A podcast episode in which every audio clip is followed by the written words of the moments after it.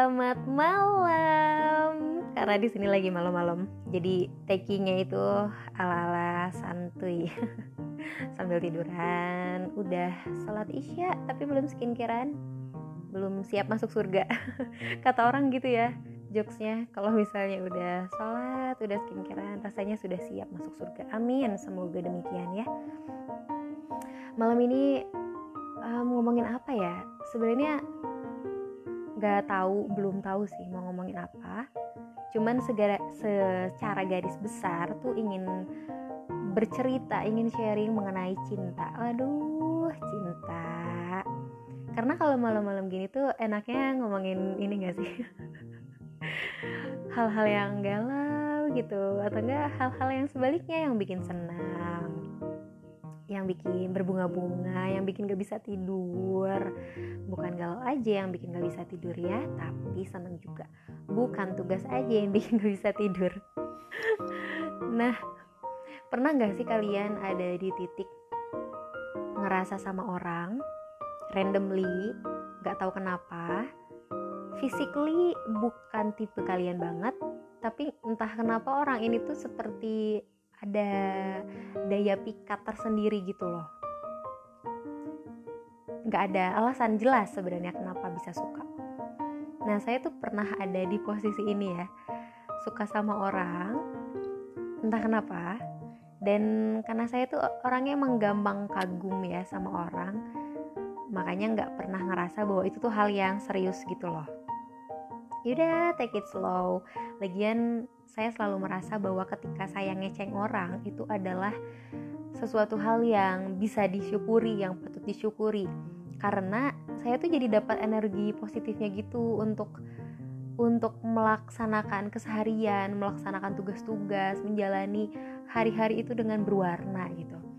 Karena saya tuh suka sama orang yang um, pinter, yang cerdas, yang pemahamannya itu jauh di atas saya. Sehingga yang saya lakukan adalah bagaimana caranya supaya bisa seperti dia gitu. Jadi pacuan. Dan di sanalah si energi positif ini bekerja. Saya jadi lebih senang untuk mempelajari sesuatu hal yang baru jadi lebih rajin jadi punya cita-cita kecil yang dibuat gitu. Gimana caranya supaya berkarya setiap harinya dan lain sebagainya jadi seneng gitu sebenarnya kalau ngeceng orang tuh. Nggak ada rasa galau karena nggak ada ek ekspektasi buat harus bersama atau harus nikah harus pacaran. Enggak biasa aja gitu. Kayak cuman cukup mengagumi dan dengan mengagumi pun saya udah dapet hal baik gitu di dalamnya yaitu ya energi-energi tadi. Jadi kalau misalnya ngeceng pun udah demikian kenapa harus pacaran?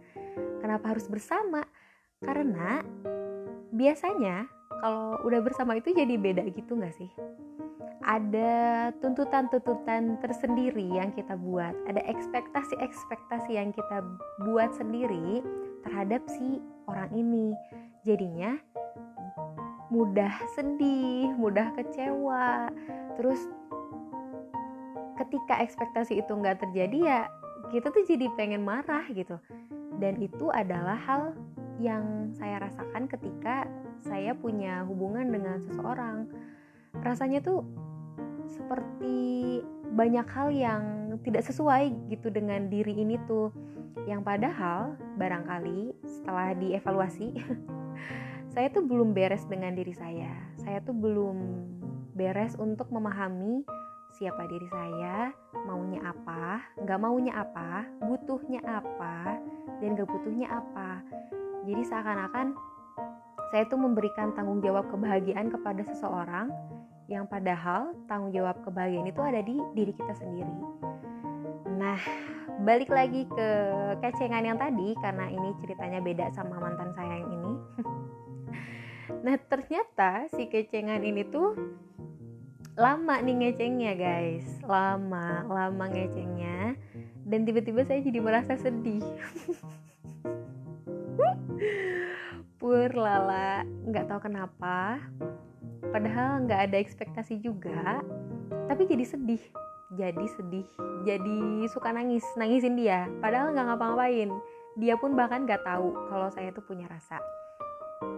Dia pun barangkali nggak tahu ya punya rasa atau enggak tapi semua itu berjalan sangat amat normal. Seperti tidak ada apa-apa.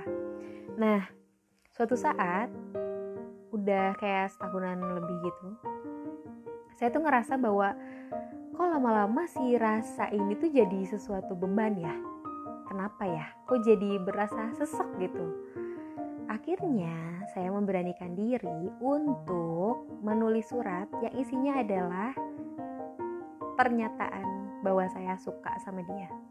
Ya, selamat telah mengungkapkan itu. Dan apa yang terjadi? Yang terjadi adalah saya nggak dibales sampai sekarang dan kita lost kontak banget. Jadi nggak pernah kontakan. Tapi karena memang semua ada hikmahnya sesuai dengan podcast episode sebelumnya ya ada maknanya, ada hikmahnya dan saya mendapatkan hikmah itu di cerita ini.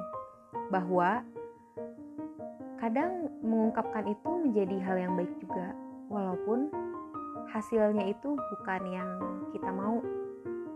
Tapi emang apa yang kita butuhin gitu.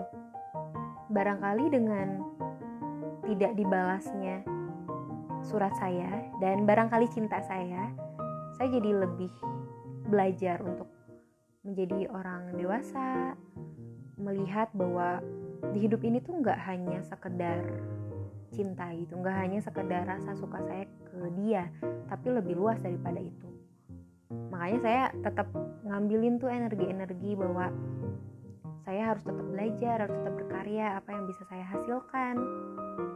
Karena yang namanya jodoh itu ngikutin gitu.